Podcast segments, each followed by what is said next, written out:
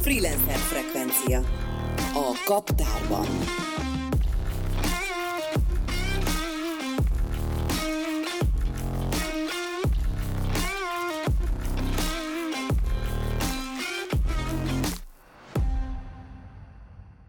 Sziasztok! A mai vendégem Balassa János, az Inkoncert Produkció alapító tulajdonosa, valamint könnyű zenei promoter és menedzser. Szerbusz János, köszöntelek a műsorban. Szia András, köszi, hogy itt lehetek. Hogy lesz valakiből könnyű zenei promoter és menedzser? Hát véletlenül.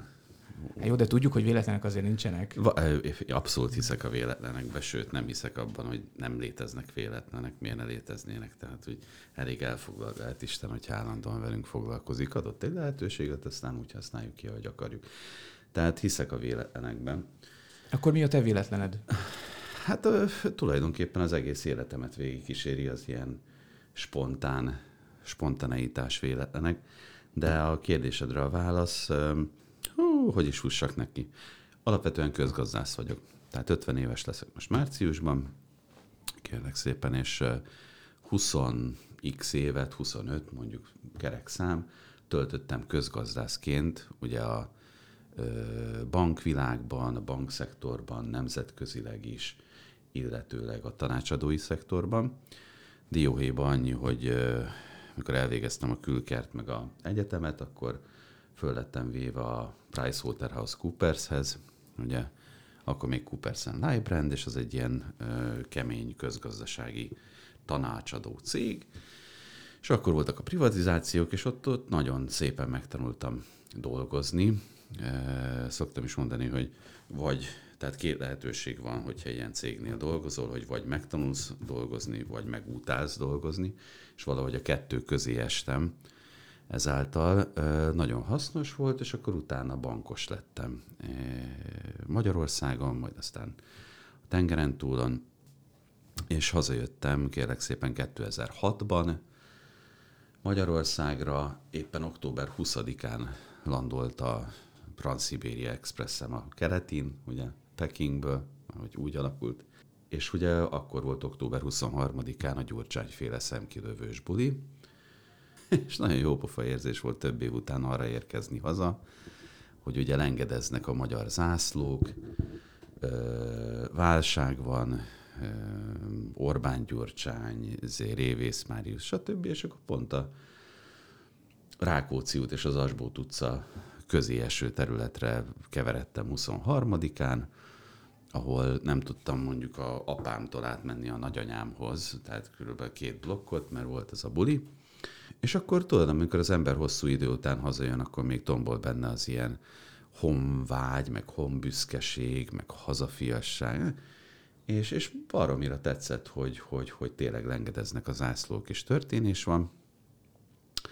És ennek megfelelően, amikor minden lecsillapodott szépen, és eltűnt a gyurcsány, akkor volt ugye a bajnai féle egy év, és a Magyar Fejlesztési Bankba kaptam egy állást, projektfinanszírozási főmunkatársként, ami ha valaki úgy ismeri a szakmát, akkor az kvázi a hitelezésnek a, a, a krémje, a teteje, és nagyon élveztem, tehát egy ilyen négy évet eltöltöttem különböző projektek mentén, és mertem hinni, vagy legalábbis reméltem hinni, hogy politikamentes munkát végzek, bár ugye állami bankként azért volt olyan hitel, amit meg kellett adni, volt olyan hitel, amit úgy nem, de alapvetően egy nagyon szakmai környezetben voltam, egészen 2010-ig, ami egy elég jelentős éva az én életemben. Az egyik, tehát az egyik a legnagyobb boldogság, hogy akkor született meg a kisfiam, ugye?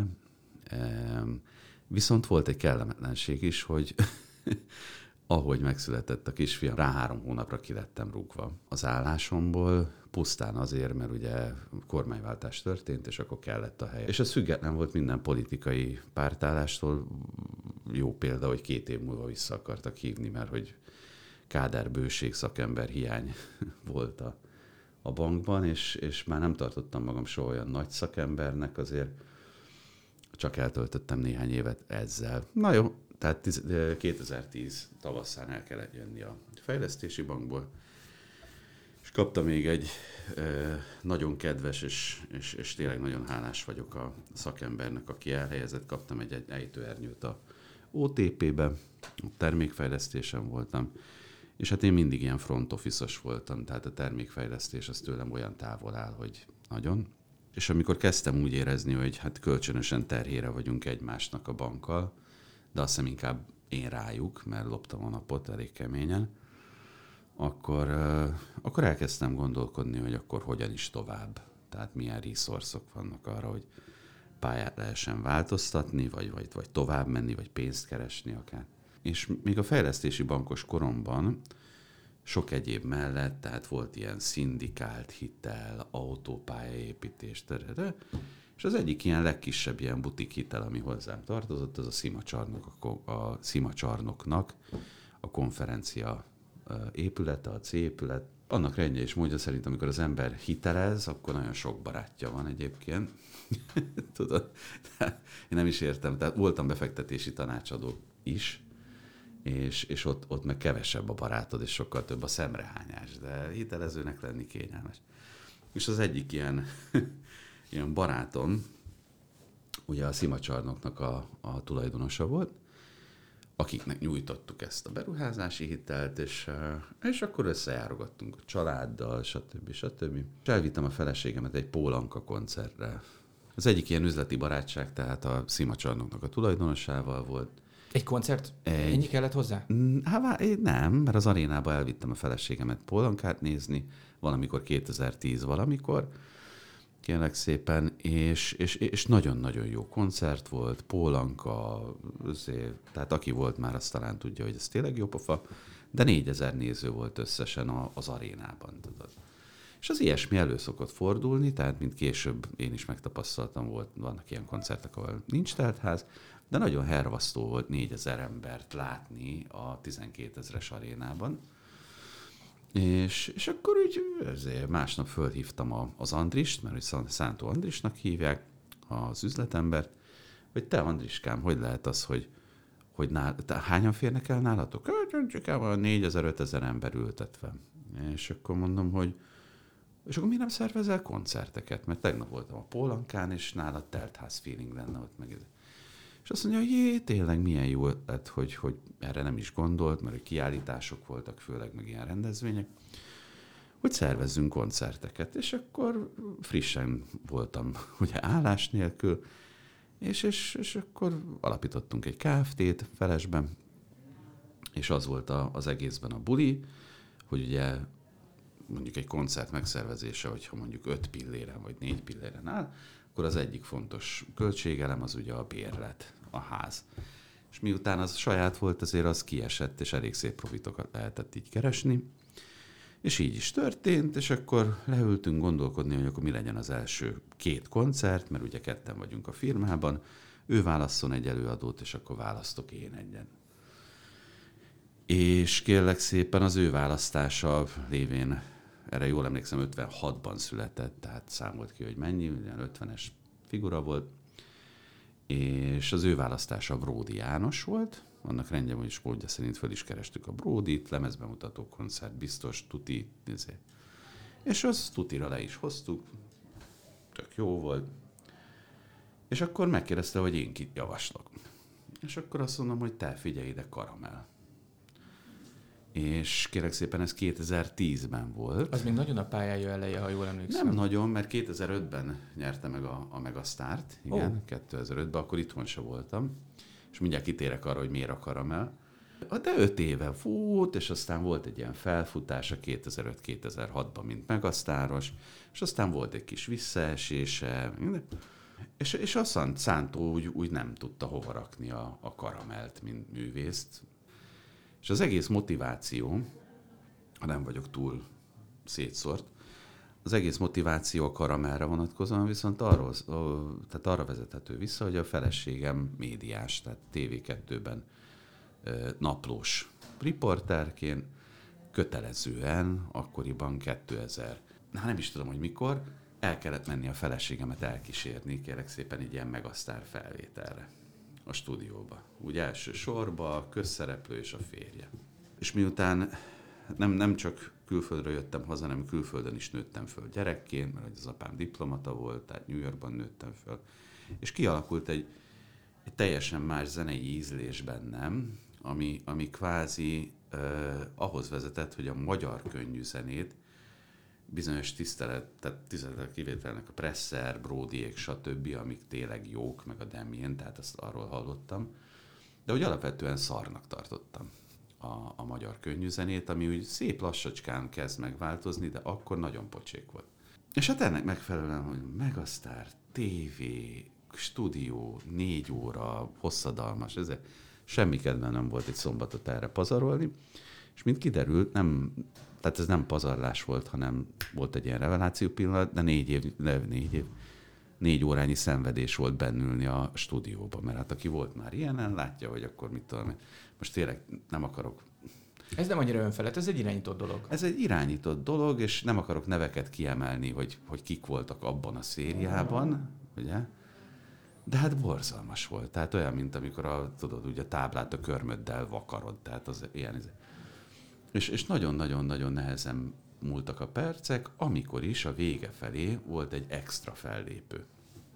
És ugye fogalmam nem volt a hazai e, könnyű zenei palettáról, és volt egy extra fellépő, bizonyos karamell. Aztán valahol hallottam, hogy karamell, izé, de fogalmam nem volt a figuráról.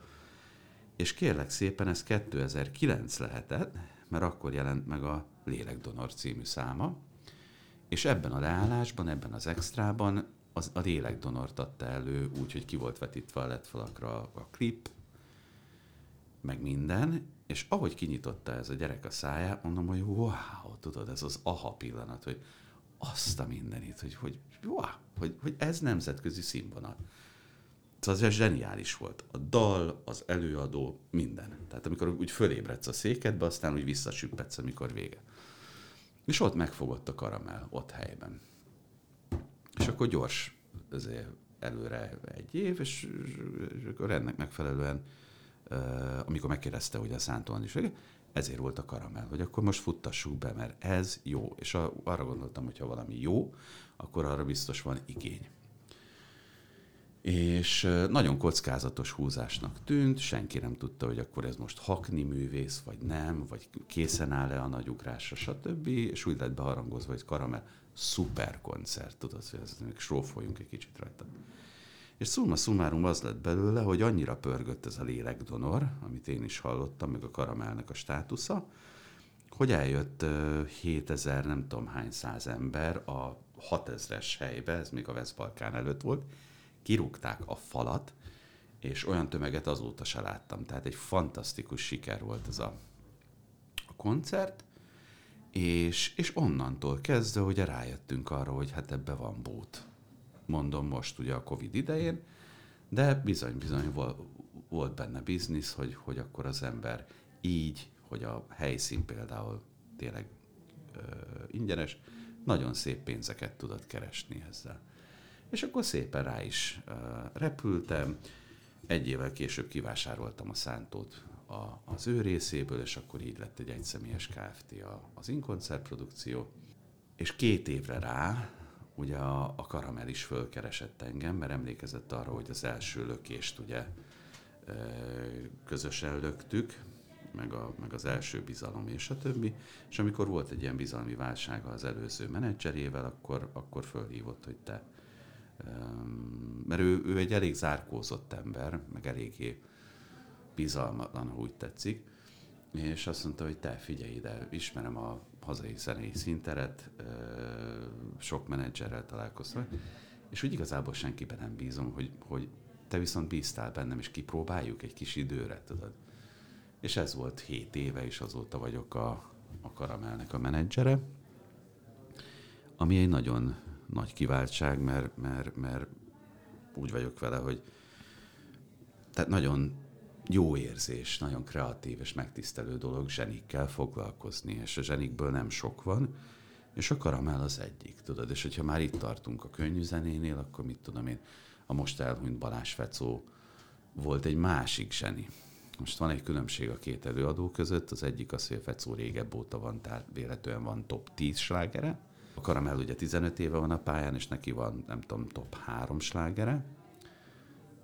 Helyesebben fogalmazva három top slágere és rengeteg, de rengeteg baromi jó dala. És a különbség a kettő között, ha már itt lehorgonyoztunk, hogy Balázs Fecó Karamell, hogy a Balázs Fecó ugye zeneszerző, és van a Horváth Attila szövegírója, tehát ők egy Szörényi Bródi tandem tulajdonképpen, és a Fecó a harmóniákért, meg a dallamokért felelt, míg a Molnár Ferenc Karamell, kérlek szépen, az a dallamokat is ő írja, és a szövegeket is. Nem sokan tudják róla, de minden dalának a szövegét, meg a zenéjét ő szerzi. E- egy kivétel van a Jégszív, ami egy Lertemjén szerzemény, de az összes nagyobb slágerét mind ő maga írja, cakli-pakli. És ebből a szempontból mondom, vannak ilyen izék, vannak ilyen, ilyen, ilyen szuper előadók, és nálam a karamell abszolút top 5. Tehát ha azt veszük, tudod, a régi nagyokat, hogy Presser, kérlek szépen Balázs Fecó, Szörényi Bródi, mert az ugye egyben van nagyjából, Demjén. Aztán úgy, úgy, úgy lehet, hogy kifelejtett talán az Ákos még. És, és ezek, ezek a szerző előadók, ezek azok, akikkel, akikkel az ember örömmel dolgozik együtt, és a felsoroltakból hál' Istennek, hogy szinte mindegyikkel volt közös projektem, egy kivétel van a Demjén, Rózsi, de a felsoroltak közül mindenkivel volt alkalmam együtt dolgozni, és, és baromi felemelő olyasmit csinálni, ami téged magad is szórakoztat. Az életutatból lehet hallani, illetve látni is, hogy van egy elég érdekes váltás. Amikor egyszer csak elengedted a bankszférát és a pénzügyi szektort, és átnyergeltél a zenére. Ez azért mondhatjuk, hogy ez egy elég éles, elég éles váltás, elég nagy szakadék van a kettő között. Igen. Ahogy átnyergeltél a zenére, milyen kihívások és nehézségek voltak, amivel így meg kellett küzdeni, amikor az ember egy ismeretlen terepen van? Semmi. Semmi? Semmi a világon, semmi. Már csak azért is, és tényleg nem, nem akarom ezt elbagatelizálni, de, de hogyha ha eltöltesz évtizedeket egy olyan, olyan munkában, ami nagyon-nagyon-nagyon komplex, jó, vonjunk le két nagyon belőle, jó, oké, meg lehet tanulni. A nagyon komplex az mondjuk az atomfizika, meg az agysebészet, de hogyha ha közgazdászként, úgy gyakorló közgazdászként öm, vállalatokat értékelsz, átvilágításokat írsz, erőterjesztéseket írsz, projekt megvalósíthatóságot írsz, meg excelek körül pörög az agyad, meg minden egyéb. Határidőre ráadásul az, az egy elég alapot szolgáltat ahhoz, hogy mondjuk egy olyan szakmában, ami tényleg az ízlésről és a szervezésről szól, tulajdonképpen ennyi, hogy kire van igény, és hogyan tudjuk beharangozni, az egy lényegesen egyszerűbb dolog szellemileg. Ez nagyon szarul hangzik, mert elbagatelizálom a, a szakmát, de, de valóban nem okoz nehézséget, hanem inkább egy, azt tapasztaltam, hogy, hogy egy verseny előnyt okoz az, hogy például nagyon sokáig, tehát most, amit látsz, az mondjuk a Covid-nak köszönhető, meg, meg én nem tudom mi, de voltam jól öltözött is. És most már nem. És hogyha megjelenik egy ilyen, egy ilyen frissen borotvált, jól fésült csávó ezen a szintéren, akkor, akkor körülveszi egy ilyen egészséges burok, ami arról szól, hogy who the fuck is this, tudod? Tehát egy, egy, egy ilyen fura figura, egy ilyen kívülálló forma, ami azért jó, mert, mert megvan egy ilyen, megvan, megvan egy bája, megvan benne egy ilyen, a könnyű zenés szakma részéről egy ilyen három lépés távolság, de azért biztos tud valamit a csávó dolog. És, és, és nekem meg azért jó, mert nem kell állandóan együtt inni velük, meg haverkodni, meg ezért. Tehát, hogy, hogy tulajdonképpen ez a, ez a három lépés, ez a szakmaiság ezáltal megvolt. Mert ugye ez egy olyan szakma, ahol, ahol azért, azért buli van. És, és én meg úgy vagyok vele, hogy a buli meg a, a munka az két teljesen különböző dolog. Amúgy se vagyok egy túl bulis alkat. De én úgy gondolom például, hogy, hogy, hogy egyenesen ciki nagyon kiengedni az üzletfelek előtt.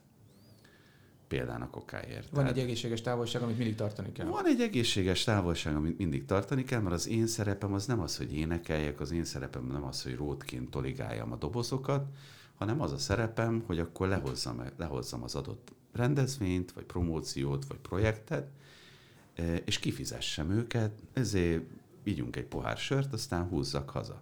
És, és ebből a szempontból nagyon-nagyon élvezem a munkát, vagy élveztem ugye egészen idén márciusig, aztán remélem, hogy előbb-utóbb visszatér, bár szerintem ez egy hosszabb dolog lesz, mint ahogy gondoljuk. Szóval így nosztalgiázhatunk is, hogy mennyire jó munkám volt. Tudod? Még mindig van? Csak Még mindig. Tudóval.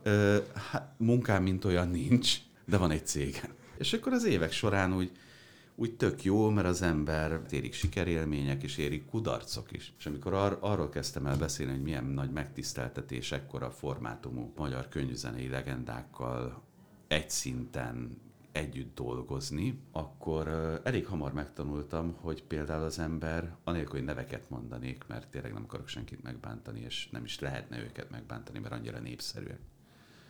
Hogy például volt egy megkeresés, amikor úgy már elterjedt a hír, hogy na itt van az a csávó, jó pénzeket keres, jó a fizetési fegyelem, és hangsúlyozom, hogy tulajdonképpen ez a szakma arról szól, hogy időbe fizes. Mint ahogy nagyjából minden szakma. És itthon ez nem nagyon szokott működni sajnos. Itt van ez a mókus, és akkor összehoztak egy, egy nagyon-nagyon népszerű hazai előadó menedzsmentjével, zenekar menedzsmentjével, hogy figyelj, hozd le az aréna koncertünket. És miután én nem szerettem a zenéjüket, mert úgy gondoltam, hogy hát, ezé, ezért nem vállaltam el, vagy legalábbis olyan kondíciót, nem azt, hogy nem vállaltam, hogy jó, én nektek nem, hanem olyan kondíciókat adtam, egy lépcsős, tehát nem fix összeget, hanem egy fix plusz kapupénzest, amit úgy gondoltam, hogy óvatosságból azért adom, mert számomra nagyon nehéz elképzelni, hogy én ezért pénzt fizessek, hogy őket lássam, vagy hallgassam. De aztán kiderült, egyébként remek emberek, tehát csak az ízlésem más. És tényleg is legendák és szuperek, de ne.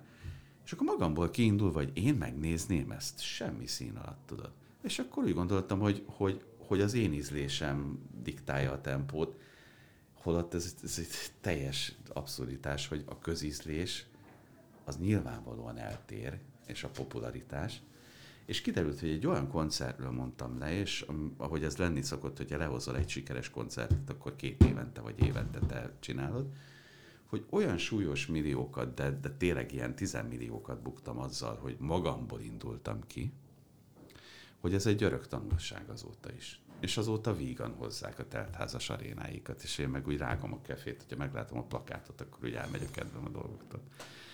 Mi az, amit a mostani János tanácsolna a múltbélinek, hogy vagy ezt csináld így, vagy ezt pont ne csináld így? Ez az egy. Ez az egy? Ez az egy. Ez az egy. A többivel tökre meg vagyok elégedve. Most van ez a Music Hungary Szövetség, nem tudom, hogy hallottál róla vagy nem. Ez a magyar könnyűzenei iparnak a, a érdeképviseleti szerve, egy szövetség, és abban például én vagyok a promóteri szakosztálynak a vezetője, ami egy titulus, és tulajdonképpen, de, de hogy nagyon jó érzés úgy tényleg benne lenni ebben a, ebben a nagyon szűk magban, és egy bizonyos elismertséget is érezni. És most például ez nagyon-nagyon fontos ez a, ez a szövetség, mint olyan, minden évben van egy e, konferenciánk, ami összehozza az egész e, könnyűzenei palettát, és, és most például az a legnagyobb kihívásunk, hogy akkor a Covid utáni időkre hogyan tudunk úgy valahogy nekifutni, hogy akkor ne menjen tönkre a szakmának a harmada vagy a fele akár. Ezáltal a, a, a kiesett bő egy év által, mert ugye az egész szakma abban bízik, hogy nyárra azért visszatérnek az emberek, hanem is száz százalékban, nem is talán 70 százaléka a tavainak, de ez is egy, egy, egy nagyon naív elképzelés, de hogy gain traction, tehát hogy valahogy úgy, úgy, úgy beinduljon a, újra az élet, és mindenki a, a nyárra helyez nagyon nagy reményeket, hogy akkor már azért csak lehet fesztiválozgatni, akkor már csak visszajönnek a nézők, vagy hiányzik nekik, de vannak olyan vélemények is, és én inkább az utóbbival értek egyet, hogy lehet, hogy már nyáron el lehet megyegetni jobbra meg balra, de hogy igazából, hogy az emberek biztonsággal el tudjanak menni, és hasonló legyen az eddigiekhez Budapest Park, Sziget, XYZ helyszínekre elmenni, ahhoz, ahhoz azért még egy bő év kell, és a 2022 az, amit én olyannak látok, hogy folytatódhatott, ahol tulajdonképpen 19 elején abba hagytuk. Ugye azt most mondhatjuk, hogy jelen esetben a te szakmád az úgy nagyon stagnál. Igen. Mégis mit lehet csinálni ebben az időben, amikor az ember nem tud mit csinálni? Hát nem depresszióba esni, az, az fontos, szerintem. Tehát látni úgy előre, tudod, mint a Bruce Lee, aki úgy, vagy karatésok, hogy azt tanultam, karatéztam gyerekkoromban, képzel hogy amikor össze akarsz törni néhány deszkát, akkor, akkor ugye ne a deszkára üss, hanem alá. És, és én is egy kicsit túl szeretnék látni ezen a, ezen a foson, amiben most vagyunk. És, és nem könnyű, mert tényleg, tudod, az ember úgy érzi, hogy szétfolyik, meg hát december elsője van, ugye? És, és ez valahogy úgy, úgy eljött. És, és úgy halad az idő, halad az idő, semmi nem, semmi nem történik, semmi nincsen, és akkor az ember könnyen nihilbe esik. És ezt kell valahogy ö, elkerülni. Nagyon jó, hogy nem tudom, a filmeket bizonyára szereti, szeretette is, meg, meg a hallgatja, is. ugye, kedves hallgató, hogy ö, van egy nagyon közepes film az Al Pacinoval, az a címe, hogy Egy nap a mozi. Uh, Two Bits, azt hiszem ez az angol címe, és csak a Pacino miatt néztem meg, és és, és abban egy ilyen öreg mozigépészt játszik, ilyen Csinama Paradízó 2, és abban van egy olyan mondata, hogy azt hiszem a 20-as években játszódik az olaszoknál, amikor a nagy gazdasági izé, válság volt ugye az első, és vándorolnak ki Amerikába jobbra-balra, és akkor van egy ilyen visszaemlékező narrációs mondat, hogy, hogy a nagy gazdasági válság idején, amikor az emberek azt mondta a nagyapám, mert a gyerek, nagyapám, hogy van, aki a munkáját veszíti el, és van, aki az eszét. És az utóbbit kell sajnos elkerülni, amit mondok én elég könnyedén, mert hát hál' Istennek sikerült tartalékot képezni az üres időkre. De, de nagyon meg tudom azt érteni, hogy ha az emberek, és hogyha kimész az utcára, akkor tapasztalod, hogyha az emberekben a remény, meg a, a, a tartás egy kicsit úgy kezd, kezd úgy elillanni, és a frusztráció meg a létbizonytalanság lép a helyére. A kérdésedre, ha jól emlékszel, nem tudom, valamikor tavaly tetted föl, a kérdésedre az a válasz, hogy előre kell nézni. Ennyi. Előre nézve, hogyha már valahogy rehabilitálódik a mostani helyzet, hova tudnád magad így elképzelni 5-10 év múlva? Figyelj, 5-10 év múlva? Legyen csak 5. 5.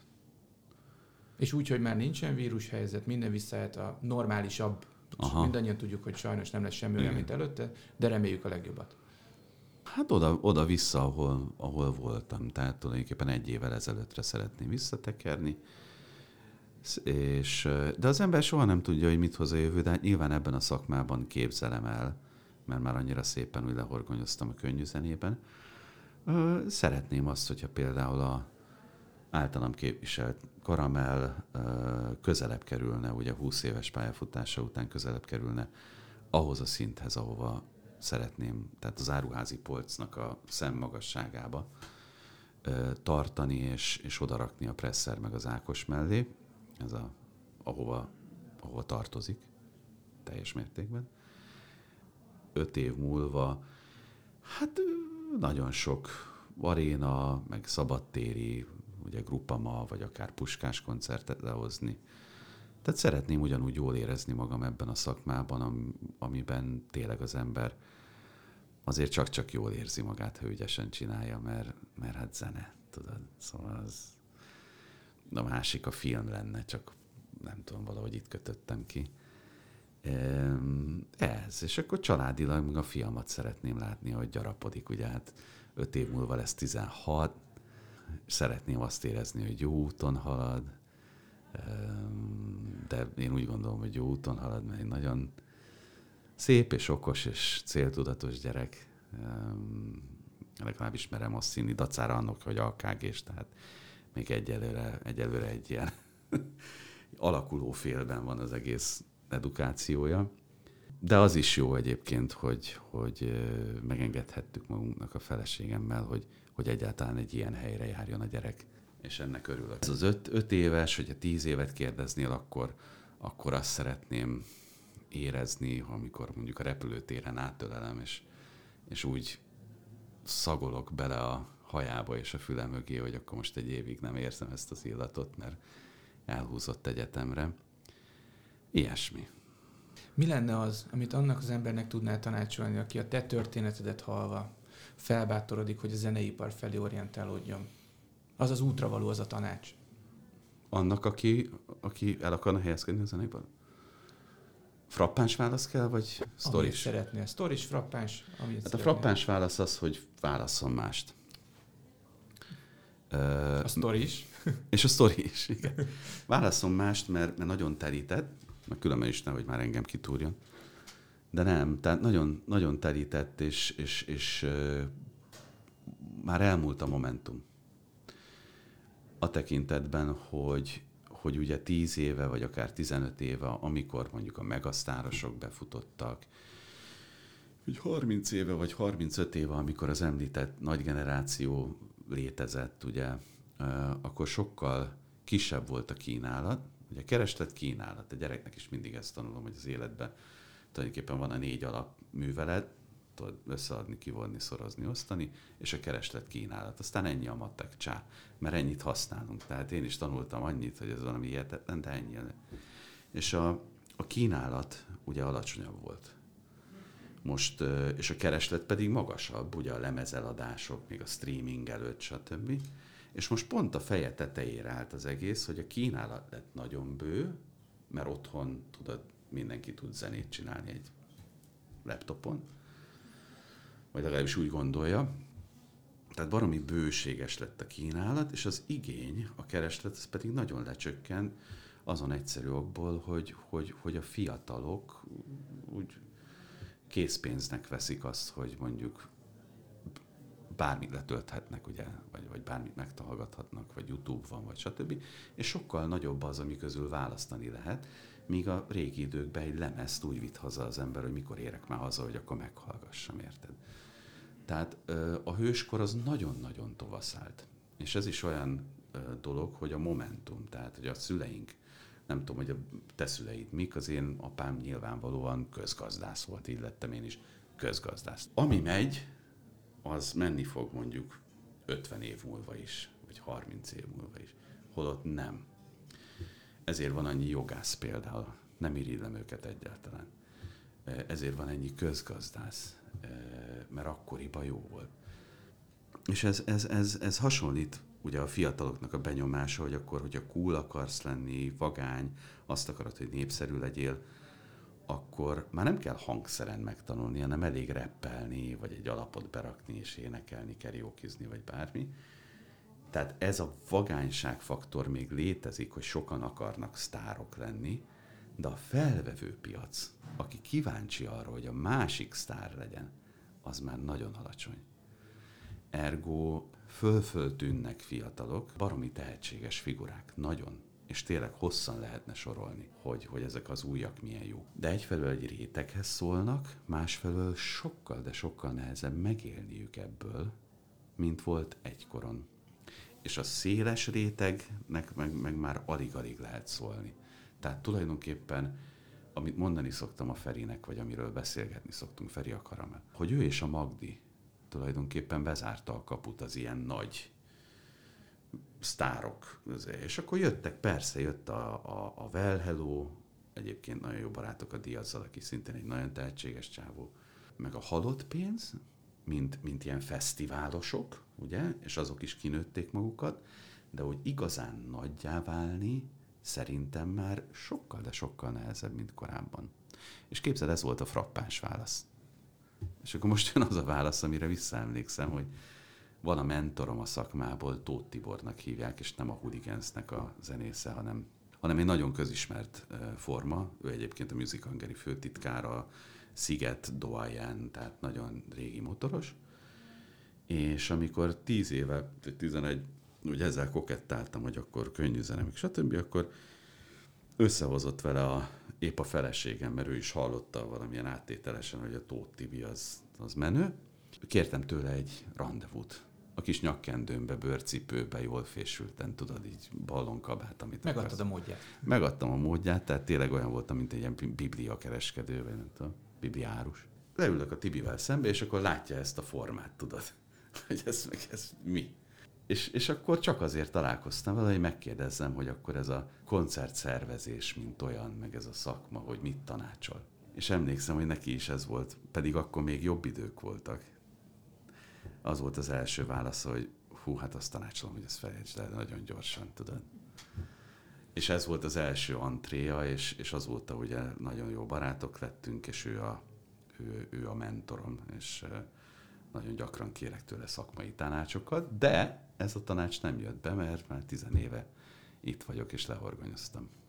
Ha valaki a te történetedet hallva mélyebben szeretné beleásni magát a munkásságodba, vagy olvasni még rólad, az hol találkozhat veled? Na, nagyon elegáns kérdés, és nagyon jó leső, köszönöm, és hogyha létezik olyan ember, aki valóban kíváncsi rám, fordítva én nem nagyon lennék magamra kíváncsi, őszintén szólva, mert azért, hát összefuthat velem a, a kaptárban, ugye, ahol egy irodát bérlek, de most ugye a covidos időkben hát egyre ritkábban vagyok benne, vagy van egy nagyon egyszerű formája, hívjon föl.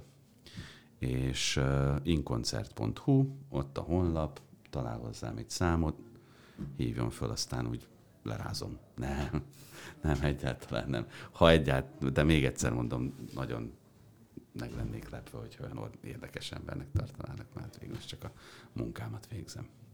Köszönöm, János. Én is köszönöm szépen. A mai vendégem Balassa János volt, a Freelancer frekvenciát hallgattátok. Megtaláltok minket Apple Podcast-en és Spotify-on, feltétlenül adjatok öt csillagot. Ha olvasni szeretnétek rólunk, akkor a freelancerblog.hu-n, Facebookon és Instagramon. A mai vendégem Balassa János volt, én Cseh András voltam, sziasztok hallgatók!